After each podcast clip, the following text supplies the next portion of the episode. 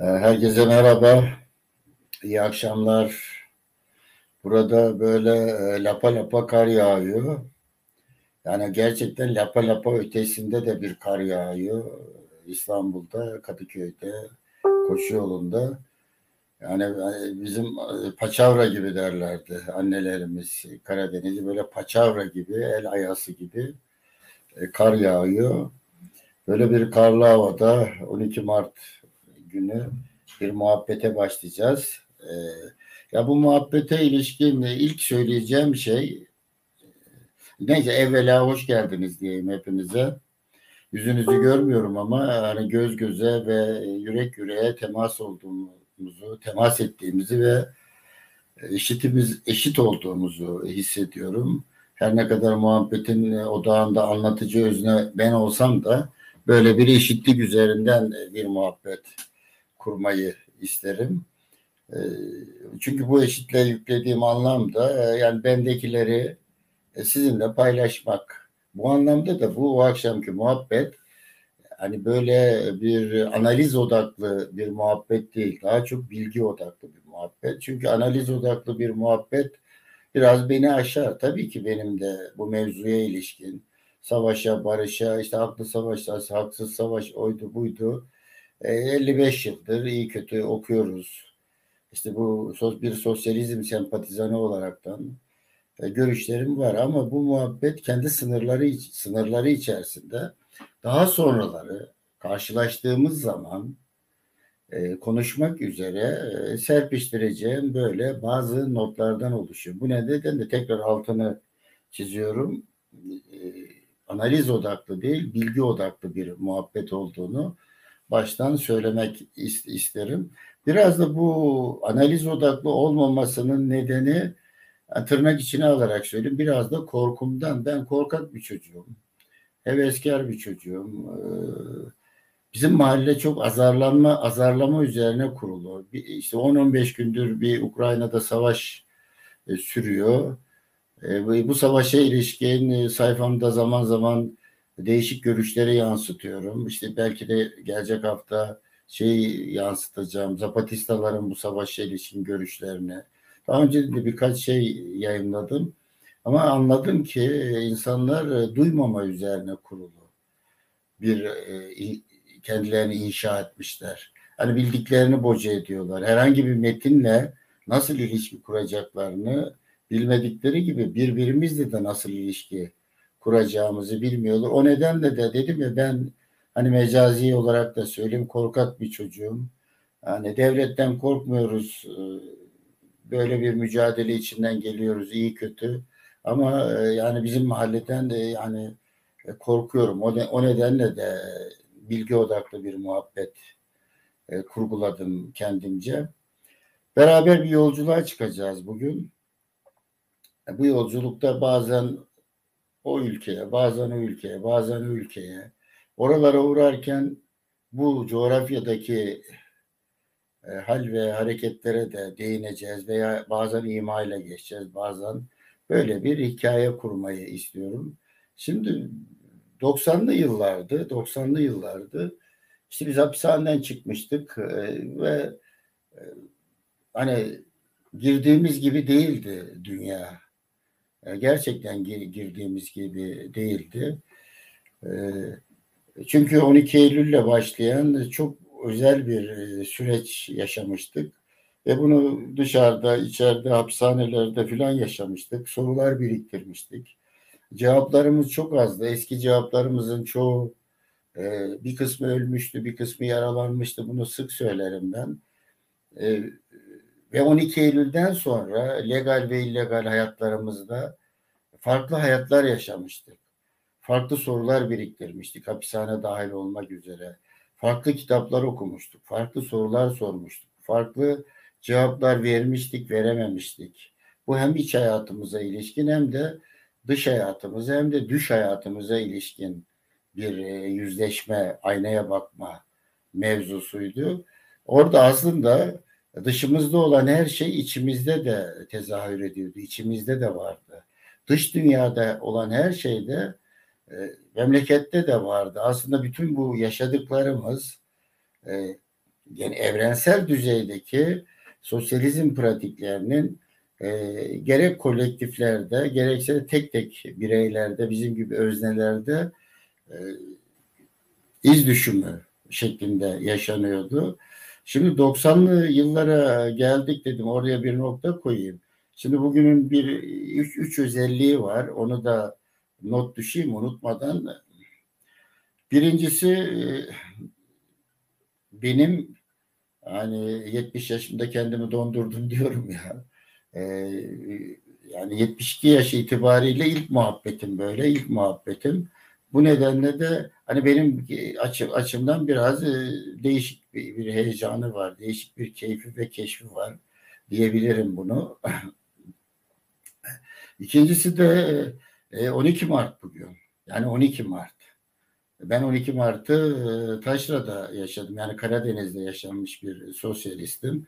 Yani özel olarak yani hapishane gibi süreçleri yaşamadım ama e, yani dolaylı olarak dolaylı olarak yani 12 Mart'a ilişkin e, bütün süreçleri yaşadığım e, söylenebilir. E, bu nedenle öncelikle bir 12 Mart'ta devlet dersinde öldürülen arkadaşlarımızı hatırlamak ve hatırlatmak isterim. Yani evvel giden ahbaplara selam etmekle kalmayıp bugün yaşayan ve halen halen kapitalizmin reddine dayalı bir dünya tasavvuru içinde olan ama e, sosyalist kırmızı bir sosyalist olarak ama mor bir feminist olarak ama siyah bir anarşist olarak e, bu mücadeleyi halen sürdürmekte kararlı olan e, insanlara yani bütün güller onlara, bütün şiirler onlara demek isterim. Bu önemli. Bir de Gazi Mahallesi. 95 olmalı belleyen beni yanıltmıyorsa. Gazi Mahallesi katliamı diyelim ve halen e, bunun üzerine hukuk davaları açıldı, kitaplar yazıldı ve vesaire vesaire. Aslında bunlar da bir provaydı. Yani işte Sivas'ta, Maraş'taki e, provaların başka bir çeşidi olarak orada da kaybettiğimiz arkadaşlarımızı yani öpüp kalbimize, öpüp şiirimize e, koyacağımız arkadaşlarımızı da anımsamak isterim. Böyle geçerken bunları da güne not düşmek isterim. Şimdi 90'da nokta koymuştuk ya. 90'a bir e, döneyim. Şimdi 90'lı yıllarda işte biz hapishaneden çıktık. Farklı kitaplar okumuşuz. Farklı sorular sormuşuz. Farklı hayatlar yaşamışız. Eski biz yani kendimizi inşa ettiğimiz eski bize dair hani kaygılarımız değil mi sorularımız filan oluşmuş. E bu kolay bir iş değil tabii. E ve yeni yeni girdiler var hayatımıza girdik. İşte ekoloji oluyor. Yeni toplumsal dinamikler dediğimiz bir e, durum var ortada. E, anarşizm diye bir şey var, feminizm diye bir şey var. E, ondan sonra Troçkizm eskiden hani tukaka ilan edilen genel olarak sosyalist camiada e, Troçkizm var, ekoloji var, insan hakları var, var var var var çok şey yeni girdiler geliyor. Bu girdiler ezberimizi bozan girdiler. Bu girdilerle nasıl ilişki kuracağımızı da bilmediğimiz bir e, süreçte 90'lı yıllar. O nedenle 90'lı yıllar aslında işte 91'lerde hapishanelerden çıkıldı. 90'lı e, yıllar yeni bir başlangıcın 12 Eylül kırılmasından sonra işte hapishaneler sürecinden sonra yeni bir başlangıcın e, işaretlerini taşıyan, delillerini taşıyan bir süreç idi. O sürecin içinde de e, benim şahsen bugünkü mevzuya dair karşılaştığım sorunlardan biri de şuydu işte biz haklı savaş, haksız savaş terminolojisi içerisinde ulusların kendi kaderlerini tayin hakkı terminoloji içerisinde terminolojisi içerisinde veya ilkesi içerisinde e, siyasal kimliğini inşa etmiş insanlardı. E, savaş ve şiir e, veya savaş ve şair bağlamında da edebiyatla da ilgili bir e, sempatizan olduğum için çok değişik e, şeyler rastlamaya başladım.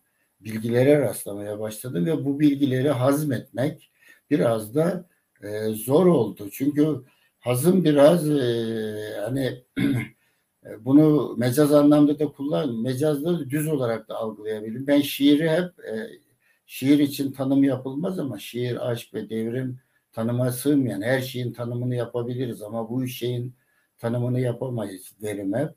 E, şiir için de arada risk alarak şöyle tanım değilse de cümle kurmayı severim. Şiir derim bir geviş getirme meselesidir. İşte hayvanlarda, ineklerde işte otlana, ot, değişik otların mideyi indirip tekrar ağza alıp ince işçilik yapılması gibi hem mecaz hem gerçek olarak böyle bir şey e, söylerim hep. İşte 90'larda, 91'lerde başımıza gelen biraz da buydu. Çok değişik girdiler başlamıştı. Eskiden kimliğimizi inşa ettiğimiz e, ilkeler diyeyim ki, e, kitaplar vesaire bir bir kısmı sarsılmıştı demin söylediğim gibi cevaplarımızın bazıları ölmüştü vesaire. Yeni girdiler gelmeye başladı. Bunları hazmetmemiz o kadar kolay e, olmadı. Ne kadar hazmettiğimiz bugün de ayrıca tartışılabilir. İşte o süreçte biz Cağaloğlu'nda, Cağaloğlu'nda diyorum e, şeyde Sultanahmet'te dergi çıkartıyorduk. Yeni Öncü'de bir dergi çıkarttık burada. İşte Korkut dair değişik arkadaşlar bilirler o dönemin e, Aydın bilir, başka hep herkesi göremediğim için burada bilirler. O dönemde e, daha sonra bir söz dergisinde çıkarmaya başladı. Ben dergileri okumaya başladım. O dönemde bir 1900 kaçmış bakayım 91 Mart Nisan'da sonbahar diye edebiyat meraklılarına bunu birkaç kez söyledim tekrar söyleyeyim. E, dipnot düşeyim edebiyat meraklısı arkadaşlara. Sonbahar diye bir dergi çıkıyordu. Şöyle bir dergidir bu. Kaçıncı sayısıymış? Dördüncü sayısı. Sonbahar. Pardon. Görünüyor galiba. Sonbahar diye bir dergi çıkıyordu. E, bu dergi e, özel bölüm savaş ve şiir başlığını taşıyordu bu dergisi. Savaş ve şiir başlığını taşıyordu. Ben de merakla bunu e, okudum. Aslında bugünkü muhabbetin başlangıcını biraz oradan yapmak için bu kadar laf yığını, bu kadar cümlede kurdum ama e, burada şunu söylemek isterim. Ben her yıl e, eskiden yapıyordum ama şimdi yapamıyorum. Sahaflarda e, Sonbahar dergisinden bir takım yapardım, hediye ederdim bir arkadaşıma. Meraklı arkadaşlar sahaflardan, özellikle İstanbul'da veya pek çok sahaf var. Sahaflardan sonbahar dergilerini, edebiyata ve şiire meraklı arkadaşlar bulup bir külliyatı toparlarlarsa dönüp dönüp bakacakları iz sürecekleri geriye doğru 90'lı yıllara, 80'li, 80'li yıllara iz sürecek kaynaklardan biriyle e, birine sahip olmuş olabilir. İşte burada bu savaş çok ilginç. Özel bölüm savaş ve şiiri okuduğum zaman ben yani bilgi kodlarım dedim ya hazmetmem gereken bilgi kodlarına dair e, pek çok yeni bilgi edindim. Bakın kaç yıl olmuş? 91 tam 20 yıl olmuş. Bu dergiler şurada e, yukarıda duruyor takım olarak bende duruyor.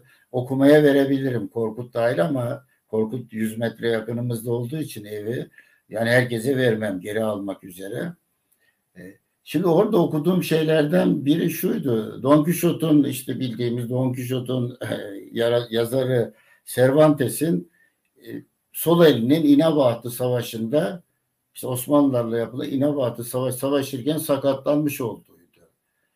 İşte Lord Byron'un işte yine Osmanlılarla savaşırken savaştığına dair e, bir şey bir de Yunanistanlılarla beraber savaştığına dair Yunan mücadelesinin özgürlük mücadelesine içinde Lord Byron'un e, var olduğu, yer aldığını ve savaşta öldüğünü okumuştum oradan da okumaya devam etmiştim. Mesela ulusal e, kurtuluş için ölen ilk şairlerden Ruslara karşı bu Bulgar pardon Macar ulusal kahramanı Sander Potifi imla hatalarımı saymayın. Şiir zaten imla hatası üzerine kurulu bir şeydir. Yani e, dilin deformasyonu üzerine de kuruludur. Can Yücel gibi söylersek hani Aleyhistan'da yani diyalektik diyor. Aleyhistan'da yeni bir lehçe mevzusudur. Ben Orta Derecede Türkçe bildiğim için bilmiyordum. İşte Küba'da e, bu Sander Bodefik şey tarafından Kazak askerlerince öldü. Bu karışık bir bölüm ama öyle yani sıralamak isterim bile. Jose Marti'yi biliyorsun Latin Amerika'da işte öldürülen e, çok e, bütün Latin Amerika coğrafyasının şeyi. Almanya'da işte Hermann Hesse onlar e, bütün savaşlara karşı inisiyatif kuruyorlar. Daha 1900'lerin ortalarında vesaire. İşte Bertolt Brecht bir, birinci savaşta bir hastanede kalıyor vesaire. Şairlerin bir kısmı e, Franco faşizmine karşı uluslararası tugaylarda savaşıyorlar. E, İspanya'da onların içerisinde bir İngiliz şair alt sıralayıp boğmayayım sizi hep söylüyorum yani mail gönderirseniz bu bilgileri gönderirim size. Ee, böyle çok fazla çok fazla bu demin söylediğim işte mesela İngiliz şairi John Cornford 19 yaşındaymış. Uluslararası Tugaylarda Tugaylarda 19 e, yaşında İngiliz bir şair geliyor uluslararası Tugaylarda savaşırken öldürülüyor ve vesaire ve vesaire. Şimdi bu bilgileri sonsuza kadar çoğaltabiliriz. Geçen hafta da takip ediyor musunuz bilmiyorum. Mukavemet dergide yani Mukavemet televizyonu yanı sıra benim de yazdığım Mukavemet dergi dergide ismini şu anda anımız bir arkadaş yine bir şairin savaşla ilişkisini anlatmıştı. Şimdi burada bunları böyle geçerken bir bilgi olarak bu çok çoğaltılabilecek bir şey ama söylemek istediğim bu dergiyi, şu dergiyi, şu dergiyi, pardon evet şöyle, Sonbahar denilen Sonbahar dergisini e, bütün külliyatıyla edinmeniz ve tabii ki başka dergilerde de bu konu oldukça yayınlanmış, yayınlanmıştır. Şimdi bu birinci fasıl diyelim. Bunu bir girizgah olarak, eski deyişle dibacı olarak kabul edin. İkincisi de şu. Aslında esas sizin sizinle dertleşmek istediğim mevzu yazılarımda da vardır bu. Yani 20-25 yıldır yazdığım yazı yazı.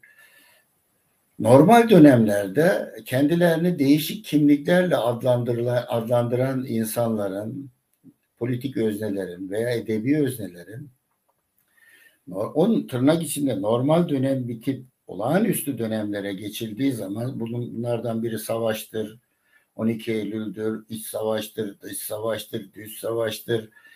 Yani zorun sıratına gelindiği zaman kimlikleriyle kendi aralarındaki ilişkilerin e, yani yapı bozumu lafı uyar mı bilmiyorum ama bir e, deformasyona uğradığını sizinle aslında konuşmak istiyorum. Ve bu arada da biraz muhabbetin ilerisinde size böyle çarpıcı hikayeler anlat. Sıkmamak için muhabbeti, kavramlara boğmamak için. Dedim ya bilgi odaklı bir muhabbet. O da şu. Şimdi her şeyden önce insan dahil, insan kavramı derim ya ben. Yani tarihin başına, insanın sonuna kadar yürüdüm. Ama sonunda anladım ki insan olmak da bir yere kadar. Aslında bizim varılan noktada yeni bir varlık tanımına ihtiyacımız var. Bırakalım şair, politik özne, şiir vesaire vesaire filan. Evet arzu da düşmüş, not düşmüş arada görüyorum. E yine ben yazıldığı gibi okunmaz ki insan dedim. Burada yani yabancılaşmayı da anlatıyorum, anlatıyorum. Yazıldığı gibi okunmaz ki insan dedim. Yani insanı yeniden okumamız gerekiyor. Çünkü insan kendini eşrefi mahlukat ilan edip diğer canlı ve cansız bütün varlıklara e, hakimiyet ve iktidar kurmaya başladığı anda iktidar kurmakla kalmayıp doğanın çobanı olan insan doğanı, doğaya karşı doğanın mühendisi olmaya doğayı bir mühendislik olarak e, yorumlamaya ve değiştirmeye çalıştığı anda bugün Aydın'la bu hafta bu konuda da Aydın Kaşkal'la ufak bir e, notlaşmamız olmuştu. Bu işin sihri bozuldu ve şu andaki dünyayla işte karşı karşıya geldiğimizi söyleyebiliriz. Yani adlandı kendimizi adlandırdığımız e, kavramlara mutlak anlamlar ve mutlak değerler yüklememe üzerine kurulmalıdır bizim hevesimiz. Ama e, bilinen ezber ettiğimiz şey adlarımız dahil olmak üzere her şeyi mutlaklaştırmak. İşte şairlik de bunlardan biri. Şair lafı mutlak anlamda kullanılan bir laf oldu. Şimdi şair dendiği zaman sanki işte e, bu dünyadaki hakikatlerden, gerçeklerden farklı işte işte özgürlükçü vesaire pek çok tanımlar yapılabilecek bir özne tarifi yapılıyor. Bu doğru değil. Şundan doğru doğru değil. Şair denilen şey bir kavram ve bir soyutlamadır. Her soyutlamanın daha iyi anlaşılabilmesi için bazı yan sorular veya kritik sorular e, sormamız gerekiyor. Onlardan biri de onlardan biri de hangi şair, hangi dünya görüşü, hangi ideolojisi, nerede yatar, nerede kalkar, ne yapar gibi e, bir e, sorular silsilesini sormamız gerekir ki o şair, kutsadığımız şair yarın savaş karşısında bir, bir e, katil olarak karşımıza çıktığımızda bir savaşta e, veya bir e, tecavüzcü olarak karşımıza çıktığımızda veya veya çoğaltabilir karşımıza çıktığımızda e, bunu daha hafif sıyrıklarla filan atlatalım. İşte hep tartışılır. İşte şair şiirinin nesi olur? İşte şairin hayatı şiirine de dahil ve dairdir. Gibi gibi pek çok pek çok e, soru yumağı içerisinde bunlar eline, ele alınabilir. Ama bunun daha dipte ben bir şeye işaret etmek istiyorum. Hiçbir e, e, dünya görüşü, kendi, hiçbir kimlik tanımının, hiçbir adlandırmanın anarşizm, feminizm, sosyalizm vesaire vesaire vesaire hiçbir tanımın doğrusal olarak insanları tarihin belli eşiklerinde özellikle de zorun sıratında savaşlar buna en kritik örnektir. E, hatalar içerisinde olduğunu, kimliklerinin dışında hareket ettiğini tarih ve coğrafya bize gösterdi. Hem evrensel tarih hem de yerel coğrafya bize gösterdi. Bu nedenle de bu dönemler özellikle olağanüstü dönemler, kritik dönemler, şair üzerinden gidiyoruz madem, şairlerin hayatlarından kendilerini tanımladıkları eski cümlelerden, dünya görüşlerinden veya şiirlerin üzerinden, dilleri üzerinden suçüstü olabildikleri bir de dönemdir. Şairlerin en çok suçüstü oldukları yer dilleridir aslında. Dille de ilgili bir hikaye olduğu için şairlerin.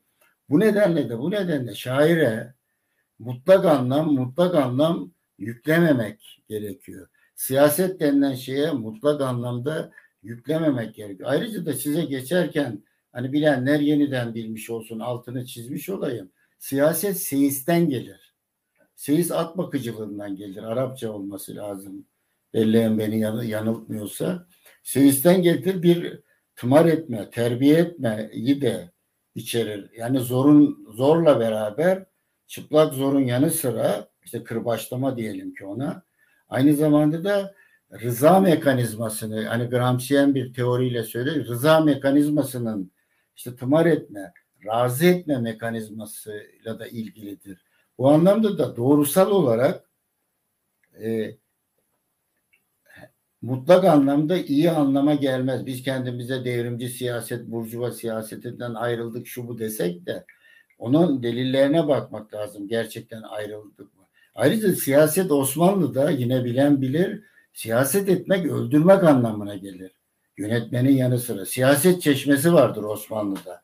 Siyaset çeşmesinde Sultanahmet'te işte Topkapı Sarayı'nda bayağı su vardır, su yalağı vardır. Orada e, siyaseten katledir. Oranın adı siyaset çeşmesidir. Yani siyaset aynı zamanda bir böyle bir kat katletme biçimidir. Yani burada da siyasete yüklediğimiz anlam, şaire yüklediğimiz anlam, devrimciliğe yüklediğimiz anlamda pek çok şey. Bunları mutlaklaştırmadan tarihsel süreç içerisinde kendi evrimine bağlı olarak o evrimin eşiklerini nasıl yaşadığına dair örnekler içerisine bakmak gerekir ki daha sonra hayal kırıklığına uğramayalım. Aman işte o da ya nasıl oldu işte filan diye bunu şey yapmayalım. bu nedenle bu nedenle e, şunu e, söyleyeyim e, yani bunu da böyle bağlayayım çünkü bunu çok uzun bir hikaye uzun bir hikaye bu. E, özellikle savaş döneminde çünkü savaş bir kötülük inşası meselesidir. E, savaşta yani haklı savaş, haklı savaş, haksız savaş vesaire. Ben bütün savaşların kötü olduğunu düşünenlerden, kötülük inşa eder savaşta. Mücadele ve bunun yerine de e, geçen de bunu da yazdım. Biraz kızdılar bana arkadaşlar. Ben savaş terimini kullanmamayı yeğliyorum kendi yazılarımda ve onun yerine mücadeleyi e, koyuyorum. E, bu nedenle de bu nedenle de e, savaş kötülüğü inşa eden bir şeydir. Tarafların mücadele eden tarafların taleplerinin haklılığından ve haksızlığından bağımsız olarak kendisi hani her savaş önce hakikati öldürür denen şey çocukları öldürür, kadınları öldürür, mağdur eder vesaire denen şey biraz da budur. Bunu söyleyince e, tarihsel perspektifi yani sınıflar, cinsler arası ezen ezilen cins, ezen ezilen ulus, e, artık değer sömürüsüne bağlı işçi sınıfı vesaire bütün bunların es geçildiği, unutulduğu anlamına gelmez. 91'deki göndermeyi de bunun için yapmıştım zaten.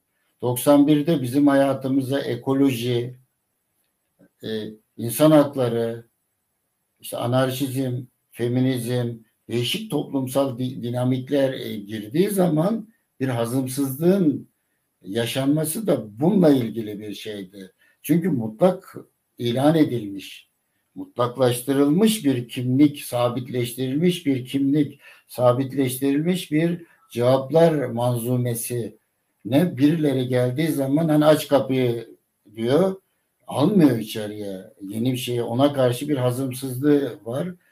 Bu nedenle de bunu önemsiyorum. Bir de buna dair bir iki şey buldum. Birazdan başka bir alana sizi Kıbrıs'a götüreceğim. Ee, gelmişken, bulmuşken birbirimizi Kıbrıs'a da gidelim böyle beraberce. Böyle eski notlarımı yine karıştırırken e, Kıbrıs özel sayısı da. Yine bu sonbahar dergisinde çıkartmıştık. Bir çok kalın bir özel sayıydı. Orada da şimdi toprağa şiir olan bir arkadaşımız var. Filiz Naldöven. Kıbrıs'ta bir şair arkadaşımızın. Onun aslında iki dizesi iki dizesi hep onun iki dizesi Cemal Süreyya'nın iki dizesi tabii ki onlarca şairin dizelerine söz edilebilir ama bugün hani seçtim iki dizesini. Muhtemelen bu iki dizeyi e, duymamışsınızdır. Biraz önce birini paylaşmıştım Face'te. Diyor ki savaş çünkü Kıbrıs parçalanmış bir toplum sadece Türkler, Rumlar olarak değil, bireyin de kendi içinde savaşın, savaş travmasının 58'den itibaren bütün neden ve sonuçlarını yaşamış bir toplum. Bu nedenle bu Filiz'in yani felsefe öğretmeniydi aynı zamanda Filiz Naldöven adı. Hem de Filiz'i de sizinle tanıştırmış olan meraklılar geriye doğru yolculuk yapsınlar. Çocuktum, hafiftim, bilmezdim. Hep kaldıramayacağımı kucakladım. Aslında e, yani kimlikler de böyledir, böyledir. Kaldıracağımızı, kucakladığımızı zannetleriz kavramsal olarak, pratik olarak ve, ve vesaire. Ama hani e, mahkemede doğru söyler, e, neyse unuttum şeyi. Ondan karakolda doğru söyler, mahkemede şaşar denir ya. Hani teoride doğru söyler, pratikte şaşar hale gelebilmemiz mümkündü. Çocuktum, hafiftim, bilemezdim. Hep kaldıramayacağımı kucakladım. Aslında savaş durumu bu dizeden hareket edersek e, söylersem kaldıramayacağımızı kucaklamakla da ilgili bir şeydir. Tabii ki biz orada e, kaldıram kaldırabileceğimizi düşünerek mücadele ediyoruz o o koşullarda. Bir de yine Filiz'in bir dizesi yüzümü bildim bileli akşamüstüyüm der. Bu da bana çok derin bir dizi olarak gelir. E çünkü savaş koşullarında işte izliyoruz televizyonlarda bu Bosna ile ilgili şeyleri. Savaş koşullarında yüzümü hep akşamüstü insanlar, hep hüzün. Yani savaşan içinde geçerli bu, mağdur olan içinde geçerli. Kimin zalim, kimin mağdur oldu zaten karışık. Ama genel olarak yani işgale uğrayan işte iki buçuk milyon insan göç etti. Kadın, çocuk vesaire filan. E, onların yüzlerinin hep akşamüstü olduğunu, vücutlarının hep şimdiden yara bere içe olduğunu, e, hatta yaralarının içe içe kabuk bağladığını bile e, söylemek e, mümkündür. Şimdi burada e, bunları da söyledikten sonra e, bu dizelerin yardımıyla da gitmek istediğimi söylemek istiyorum. Sizi bir biraz şey yapayım ne denir? Bir Kıbrıs'a geçireyim, e, götüreyim. Burada benim bizzat da tanık olduğum, şahsen de tanıdığım iki arkadaş. Yani savaş ve şair dediğim zaman benim aklıma gelen şeylerden biri bu iki, iki insandır. Biri Yorgo Moleskis diye Kıbrıs'ı Rum bir şair. Sağ şu anda. İkincisi de işte galiba 7-8-10 yıl oldu kaybettik. Fikret Demirağ diye, Fikret abi derdim ben ona. Kıbrıslı şair e, bir abimizin e, abimize ait ikisinin hayatına dair bir hikaye ile karşı karşıya. Şimdi Kıbrıs'ı düşünün 58'den itibaren e, e, hani iki tarafta ekstra ulusçuluğun, milliyetçiliğin ve ırkçılığın çok yaygın olduğu bir süreci tahayyül edin kafanızda. İşte bir tarafta EOK, bir tarafta TMT vesaire böyle bir, bir süreçte işte 74'teki savaşı e, düşünün. Bu arada hafif bir yudum alayım.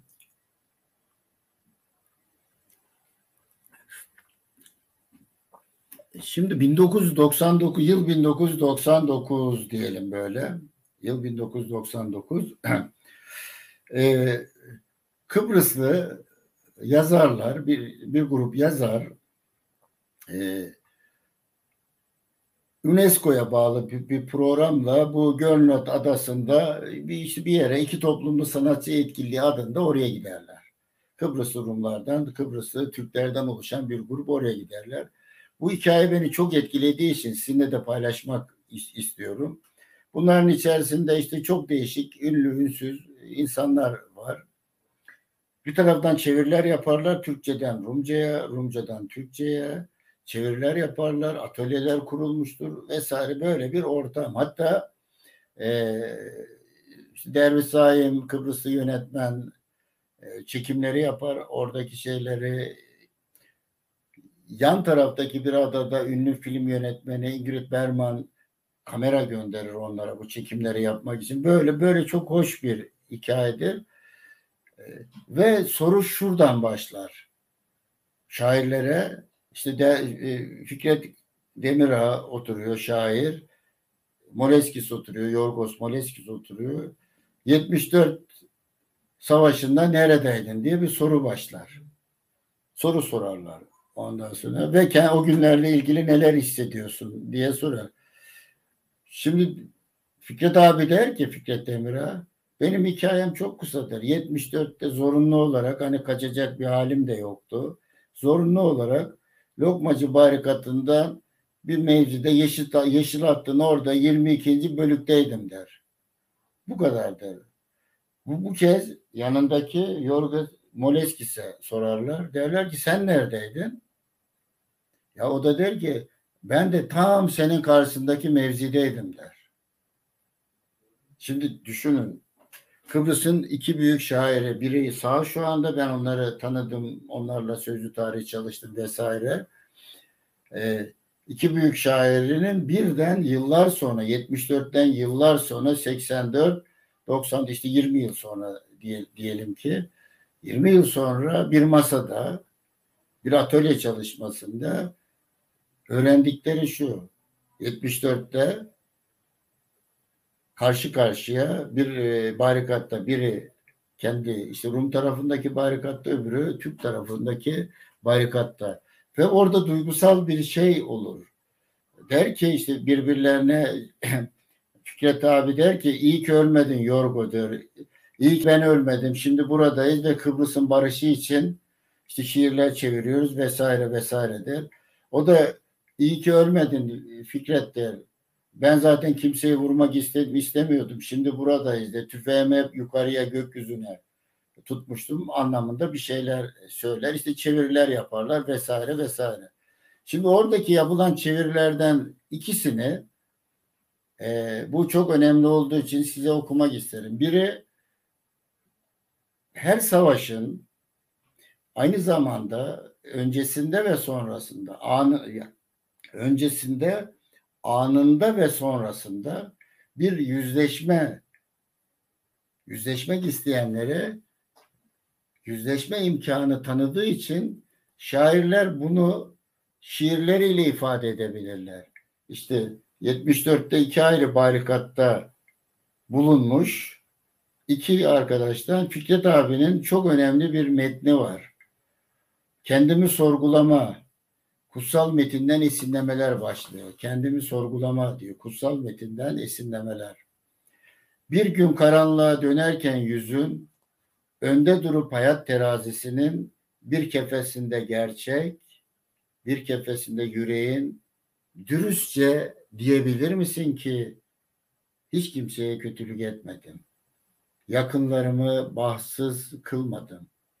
Kötülüğe yakınlık göstermedim.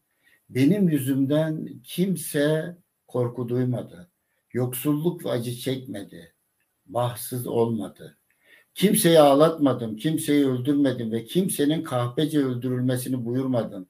Kimseye yalan söylemedim. Yiyecekleri yağmalamadım. Çocukların ağzından sütü uzaklaştırmadım.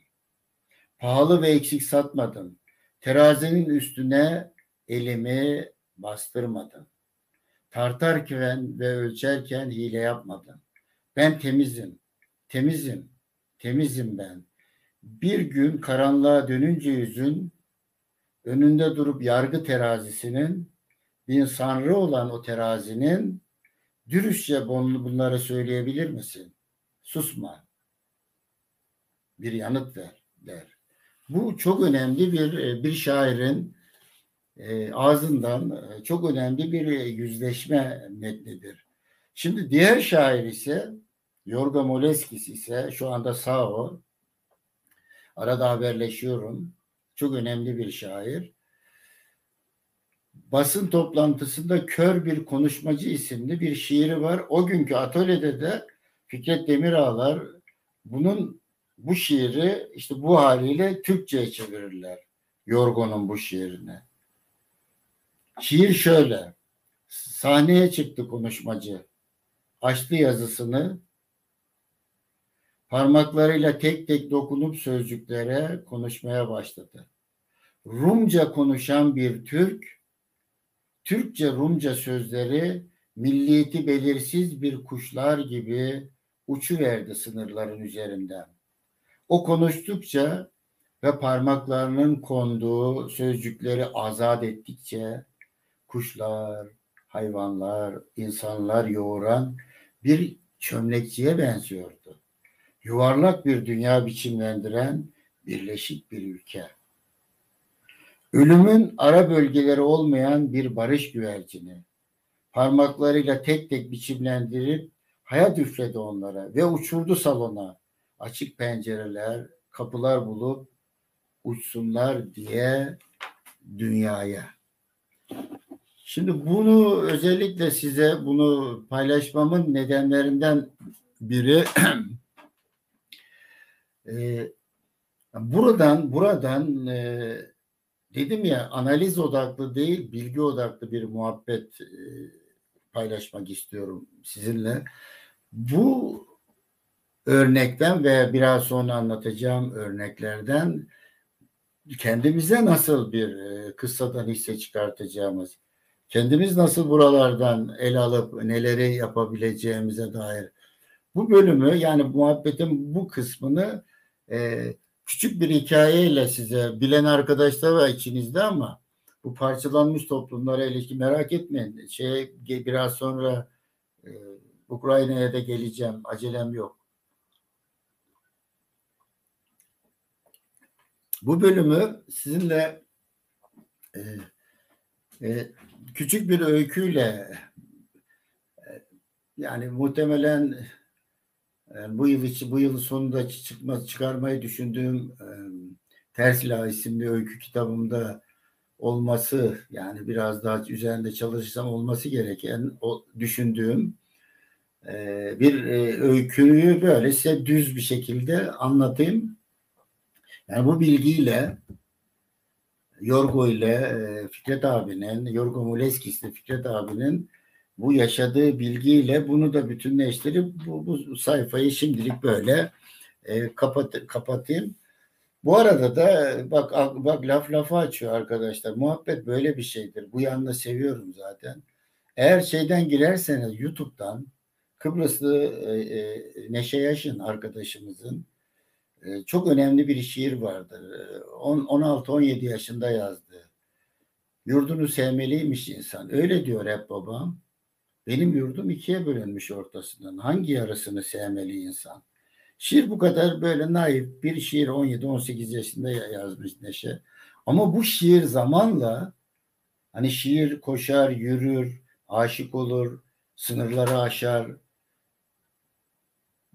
sınırları, duvarları aşabilen ne derler sevgili? Ne eksik ne fazlayken uçamazsınız der. Neşe'nin abisi Mehmet Yaşın'da.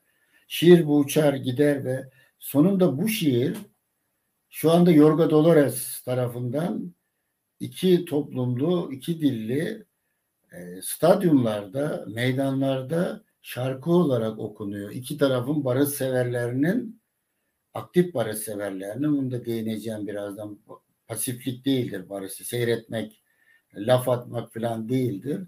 Bunu da not alırsanız Yorgo, Yorgo Dolaras yurdunu sevmeliymiş insan diye girerseniz çok güzel. Yani burada tilip melip şeyler olduğu için bu şarkıyı dinletmek istemedim size. Zamandan da ama not alırsanız yani çok sevinirim. Gelelim öykümüze. Öykümüz şu. Bu ne, ne neşeyle ilgili ama neşenin dışında soyutlayalım bu. Bir öykü kuralım şimdi burada. Sanki yeniden kuruyormuşuz. Bir çocuk adı ben diyeyim Ali, siz deyin Mustafa, ben diyeyim Barış, siz deyin Barış. Çocuk e, Kıbrıs'ın kuzeyinde evinde Kıbrıs bölünmüş. İşte hangi yarısını sevmeliyim kısmı gerçekleşmiş 74'ten sonra.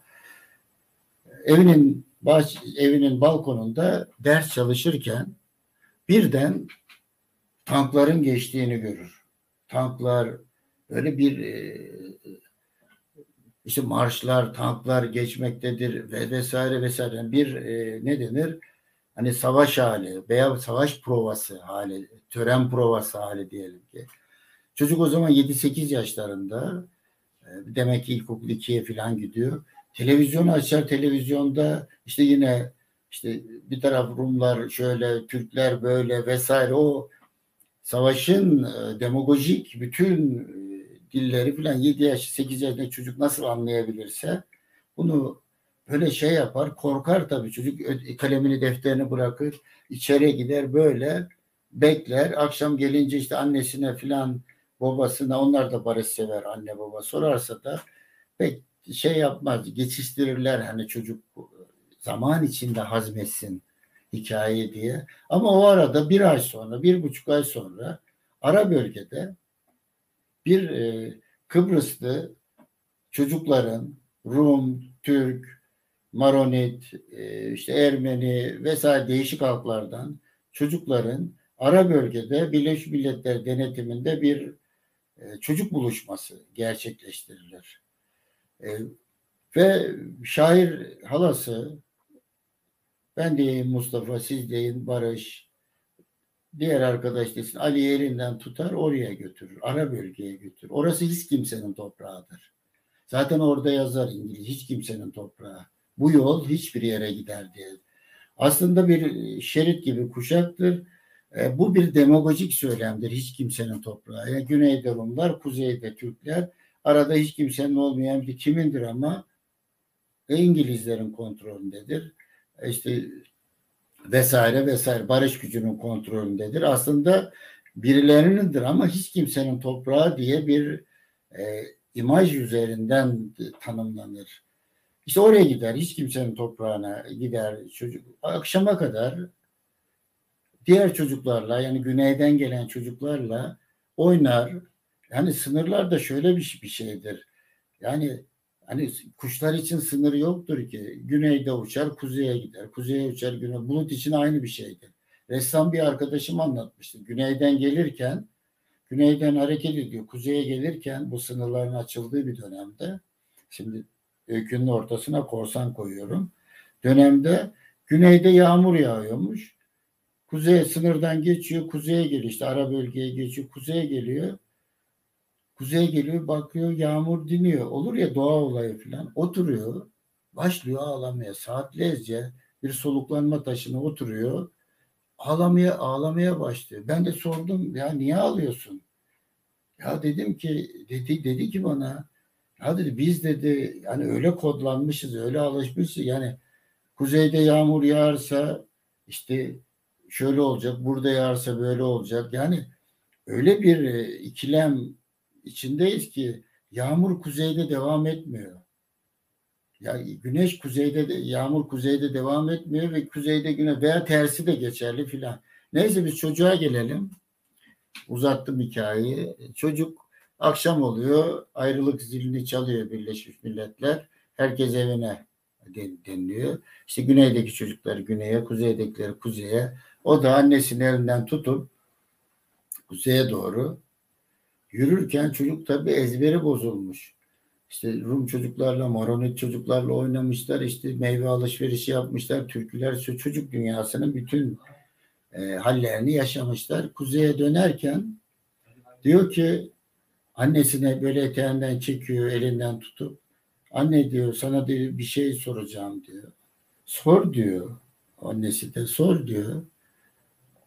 Çocuğun o gün sorduğu soru aslında edebiyat ve siyaset bahsinde hepimizin üzerinde ısrarla e, düşünmemiz gereken bir soru. Ezberimizdeki cevapları birbirimize boca etmeden düşünmem. Çocuk o naif dünyasıyla diyor ki annesine, anneciğim bana bir Rum kardeş doğurabilir misin? Hikayenin bundan sonrasını siz tamamlayabilirsiniz. Anneciğim bana bir Rum kardeş doğurabilir misiniz? Tersi de geçerli. Muhtemelen öbür tarafta da bir çocuk annesinin elinden tutmuş giderken anneciğim bana bir Türk kardeş doğurabilir misin demiştir. Çünkü edebiyat fantazi dünyasıdır aynı zamanda. Bunu da bu Kıbrıs'la bağlantılı olarak sizinle tanıştırmak istedim. Hani hep kaldıramayacağımı kucaklamadım demişti ya Filiz. Hep kaldıramayacağımı işte hep kaldıramayacağımı kucakladım meselesi işte buralarda hep veya yüzümü bildim bileli akşam üstüyüm meselesi buralarda da e, kendini gö gösteriyor. Şimdi bir e, bu, bu arada bir birinci bu iki şey e, Kamileciğim iki fotoğrafı koyabilir misin? Hikaye anlatında unuttum. İşte bu fotoğraf soldaki Yorgos Moleskis sağdaki Fikret Demirağ İstanbul'da bir yine e, uluslararası bir festivalde buluşmuştuk. Oradaki muhabbet sırasında çekmiştim e, bunu. İşte hikayesini anlattığım özneler yıllar sonra işte karşılaştıklarında e, böyle bir de bir hatıramız olmuştu. Onların da toprağı yani Fikret abinin toprağı şiir diyeyim. Hikayeyi de artık size emanet. Bundan sonrasını siz getirirsiniz. Tamamdır. Teşekkür ediyorum. Şimdi başka bir tarafa geçiyoruz.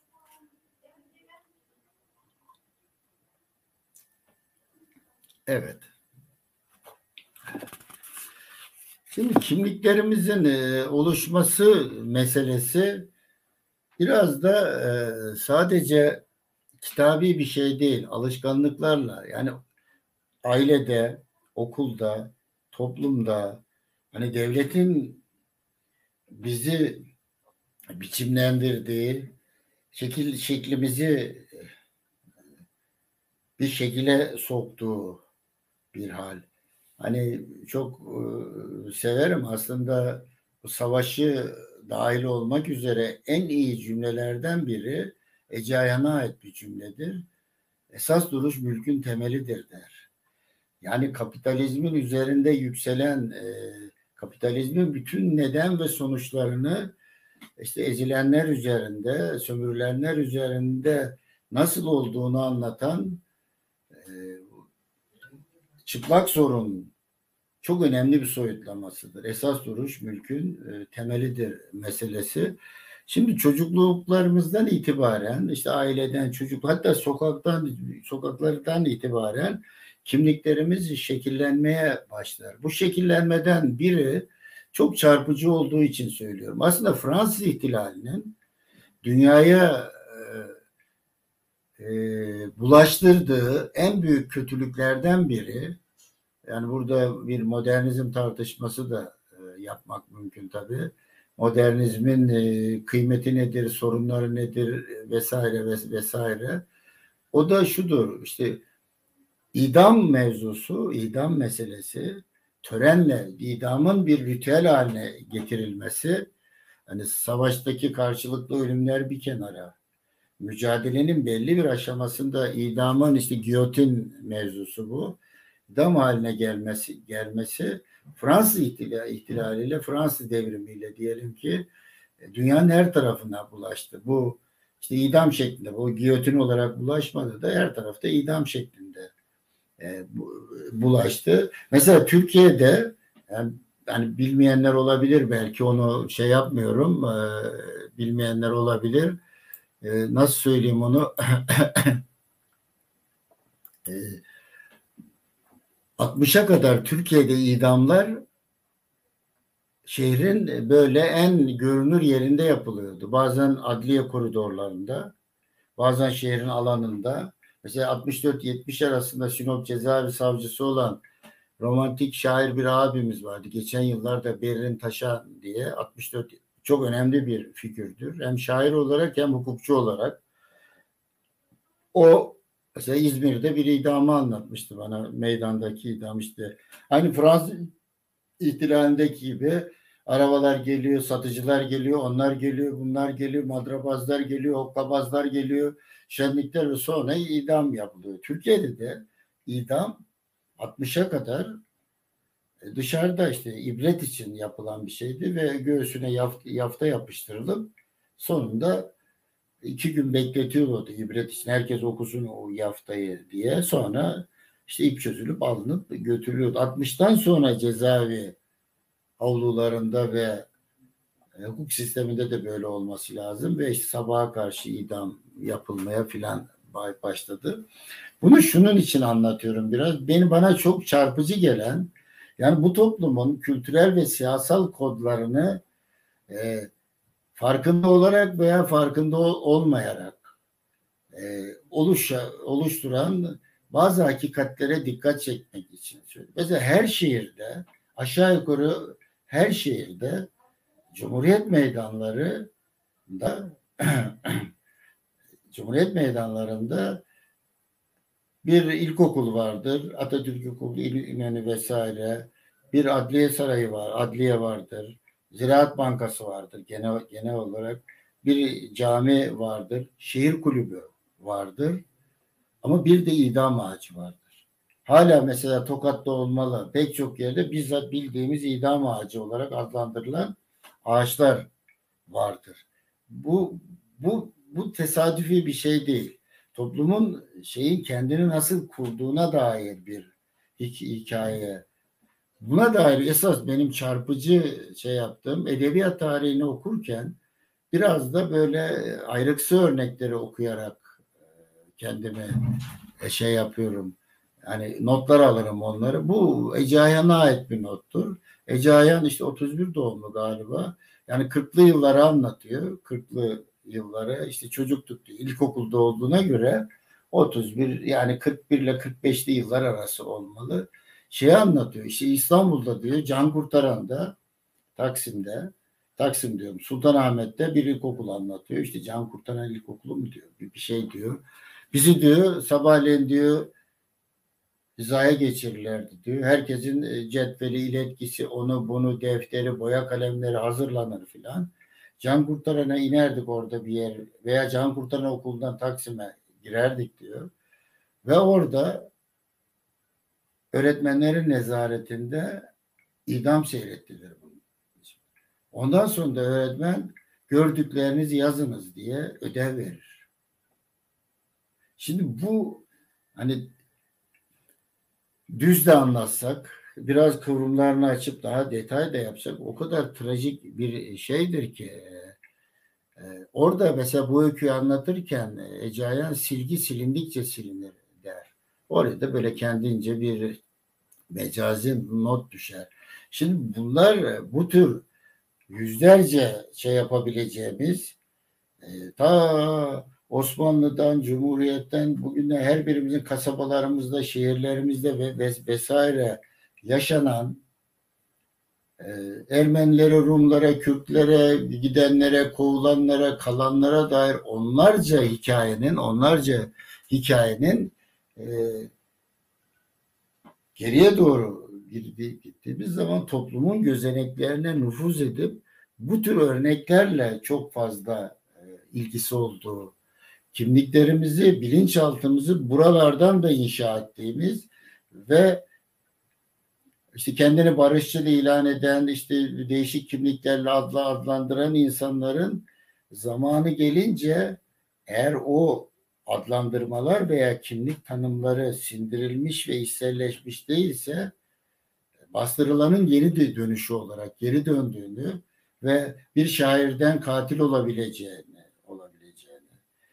veya daha bir başka kötülükler yapabileceğini görmek mümkün olabiliyor. Yani buradaki mekanizma sadece devletle sınırlı mekanizma değil. Devletlerin e, şekil şartlarının özde ve biçimdeki şartlarının esasdan ve usulden toplum tarafından devralınması, toplumun her bireyinin kendini model aldığı, rol model aldığı devlete göre kurması gibi çok daha derin bir problemdir. Yani bir kasabın devlet olması, tek kişilik devlet, bir e, işte berberin devlet olması, illa ki bunların siyasi özneler olması gerekmiyor ve meselenin bir yanında bir yanında e, ve bunların harekete e, geç geçmeleri işte 6-7 Eylül olaylarında bunun en önemli tezahürleri yaşanmıştır.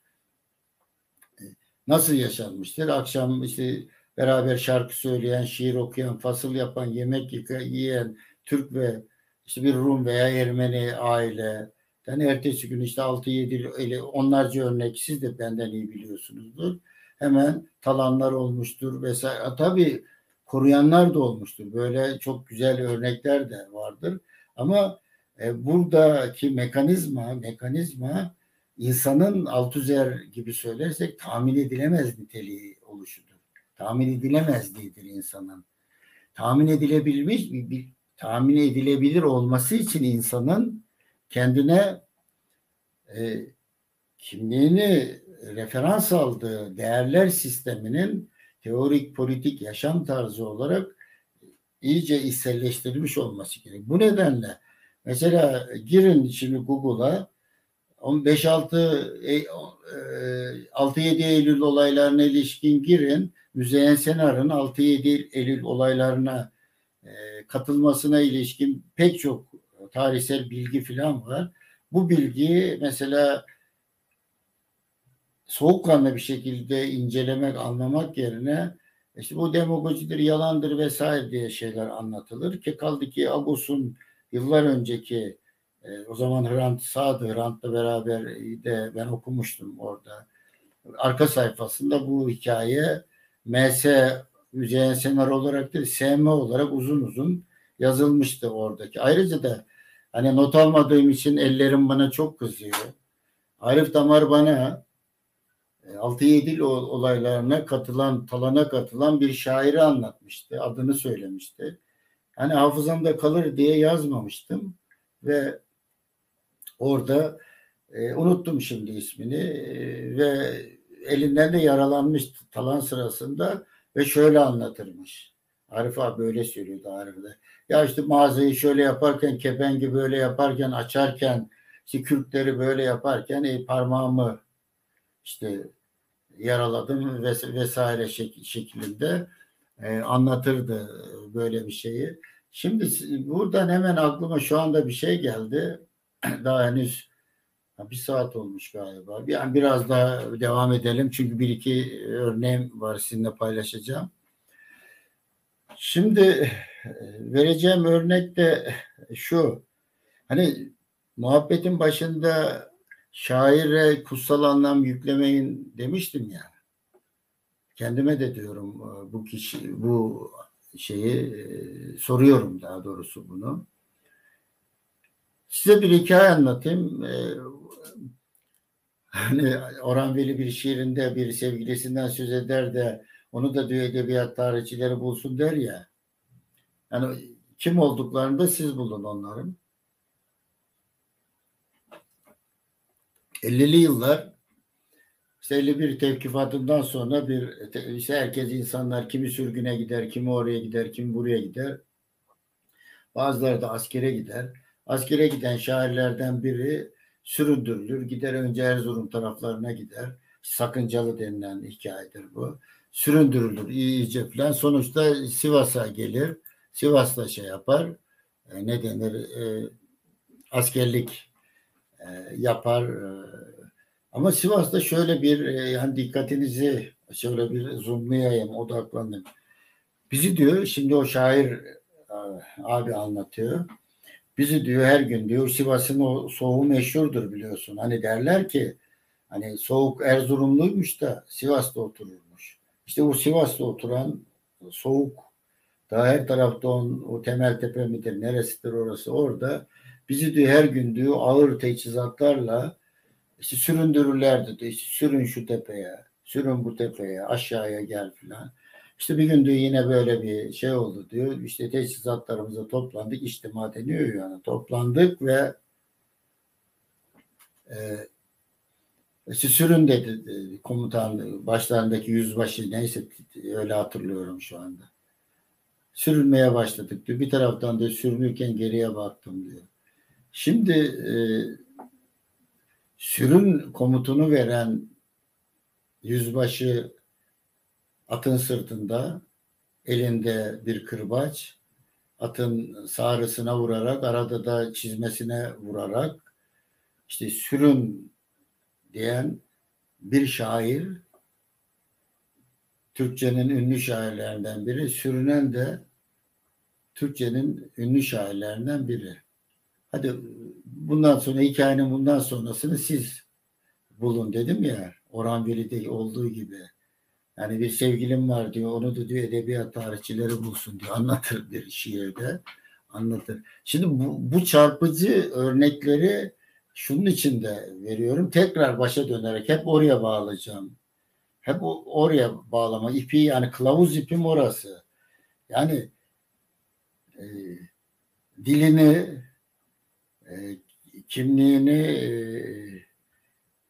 devlete, resmi tarihe, işte kötülük toplumuna filan bağlamak üzerine endeksli olanlar bir kenara. Bunlar açık bir şekilde tezahür edebilirler. İşte İsmet Özel, Sivas olayı filan meselesi.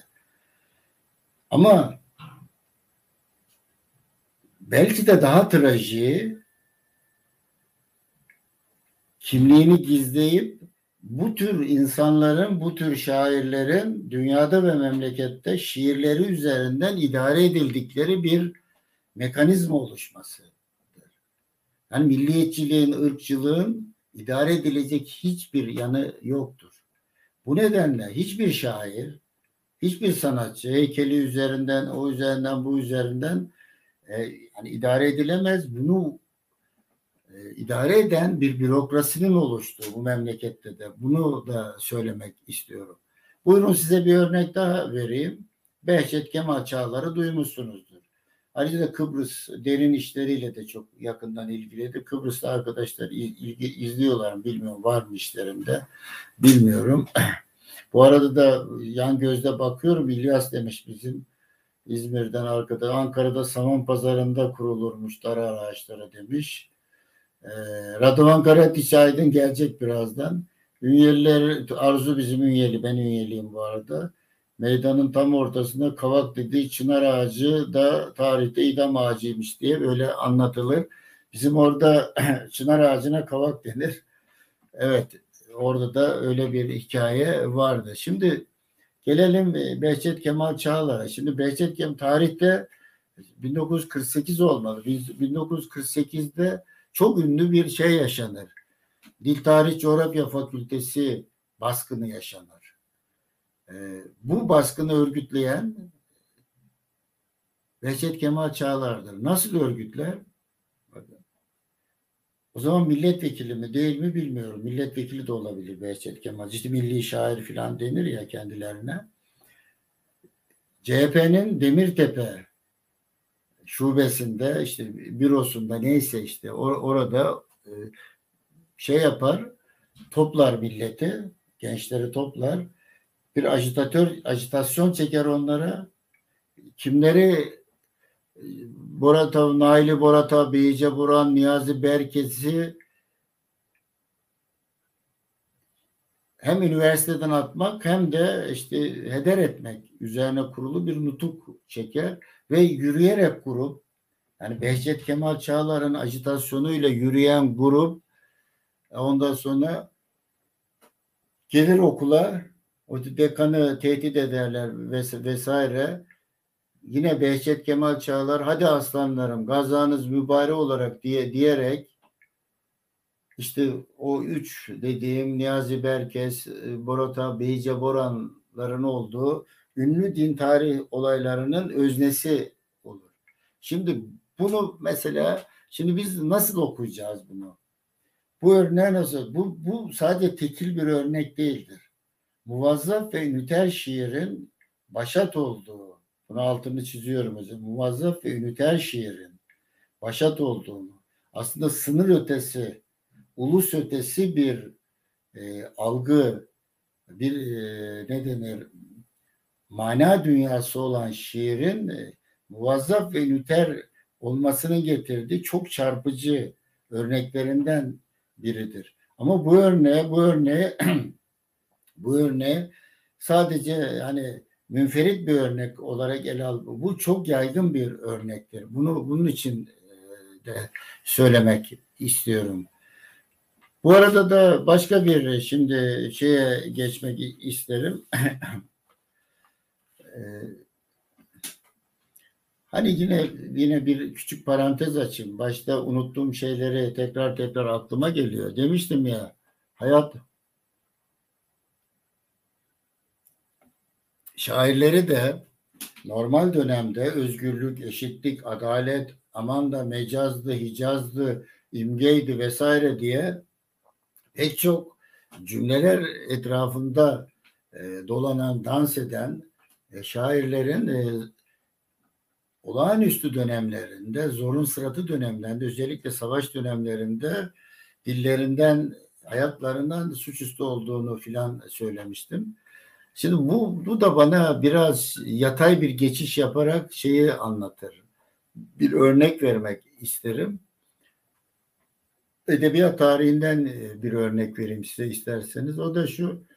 Ece Aya'nın şiirleri içerisinde bir diziye rastlamıştım yıllar önce. Sen insanı hep öperek mi ele verirsin diye bir dizi. Yani sen sen insanoğlunu hep öperek mi ele verirsin? Bu dizi bana çok çarpıcı gelmişti. Ve ben bu diziyi dilimin altına aldım, hafızama yerleştirdim. Yıllar böyle dolaştırırım yani halen de öyle. Sen insanoğlunu hep öperek ele verirsin. Bir de Ece Aya'nın şiirleri arkasında hikaye barındıran, tarihsel hikayeler barındıran şiirler de olduğu için oradan da bir şüpheyle geriye doğru bunun arkasında nasıl bir hikaye olduğunu anlamaya çalışmıştım. Orada da şuna rastladım. İşte bu hikaye çok ünlü bir hikaye.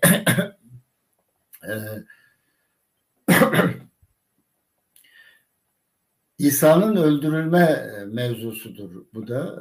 Öldürme mevzusudur. O da şöyle bir şeydi. Bir anlaşma yapar zalimlerle diyelim ki İsa'nın bu havarilerinden 12 havariler havaride Yahudi neydi adı? Yahudi İskariot mu diyelim ki evet öyle olsun. Der ki onlara işte toplantıda veya herhangi kimi öpersem onlar İsa'nın kim olduğunu bilmiyorlar. Gideceğim kucaklayıp kimi öpersem o İsa'dır. Onu ona göre yakalayın filan der. İncil'de de böyle bir hikaye anlatılır.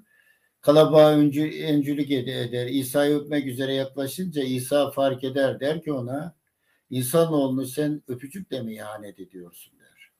Aslında bu Ece'nin şiirinin kabaca anlattığım arka planı budur. Sen insanoğlunu hep öperek ele verirsin. Dizesinin arka plandaki büyük hikaye budur.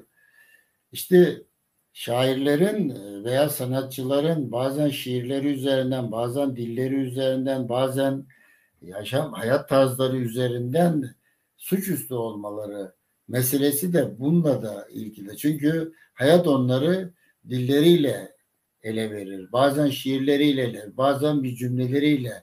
Ee, yani üç dil bilen bir şair bakıyorsunuz der ki mesela Gürcüce dil değildir der. Kürtçe dil değildir diyebiliyor bu ülkede ve alkış alabiliyor. Veya işte o bürokrasi nedeniyle idare edilebilir hale e, gelebiliyor. Bunu da böyle bir not e, düştükten e, sonra e, hani bir hikaye de şöyle bir yerden bir hikaye anlatayım. Radovan Karaciç'te geçeceğim buradan. Çünkü çağın en tipik örneği olduğu için onu özellikle sona sakladım ve odağa aldım. Şimdi her savaş her savaş e, ne yapar? Her savaş bir mülteci, göçmen, e, siyasi mülteci diyelim, göçmen diyelim, sürgün diyelim. Yani insanlar yerlerinden, yurtlarından, evlerinden idili giderler. Şu anda işte binlerce insanın, e, o iki buçuk milyon insanın gittiği gibi.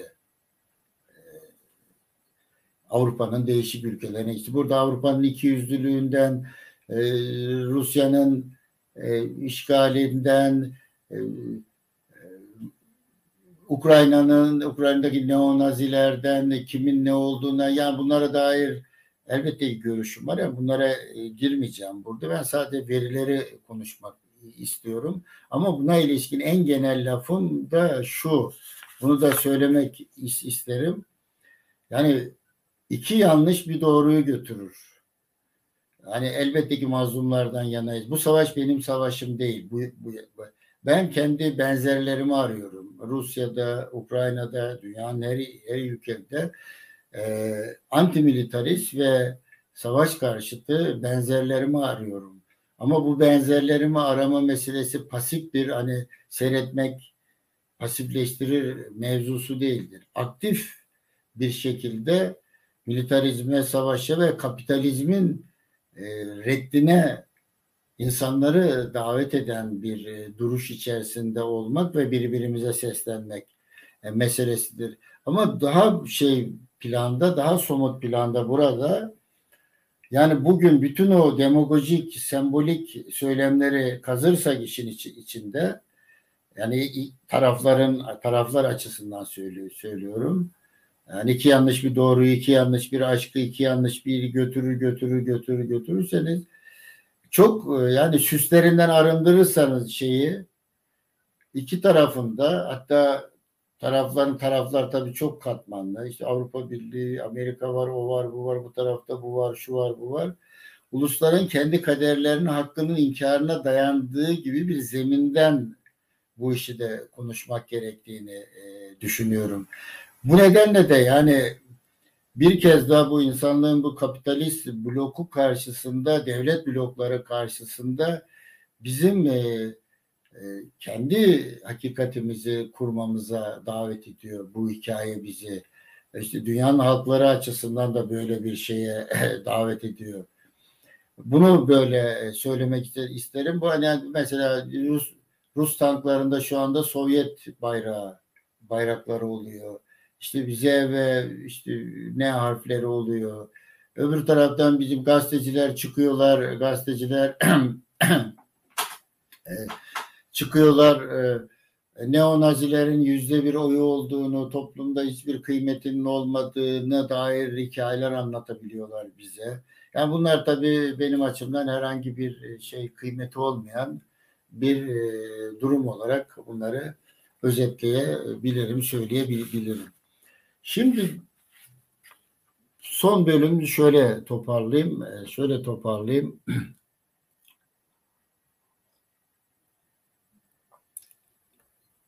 Önce bu demin söylediğim mülteciye ilişkin bir şey.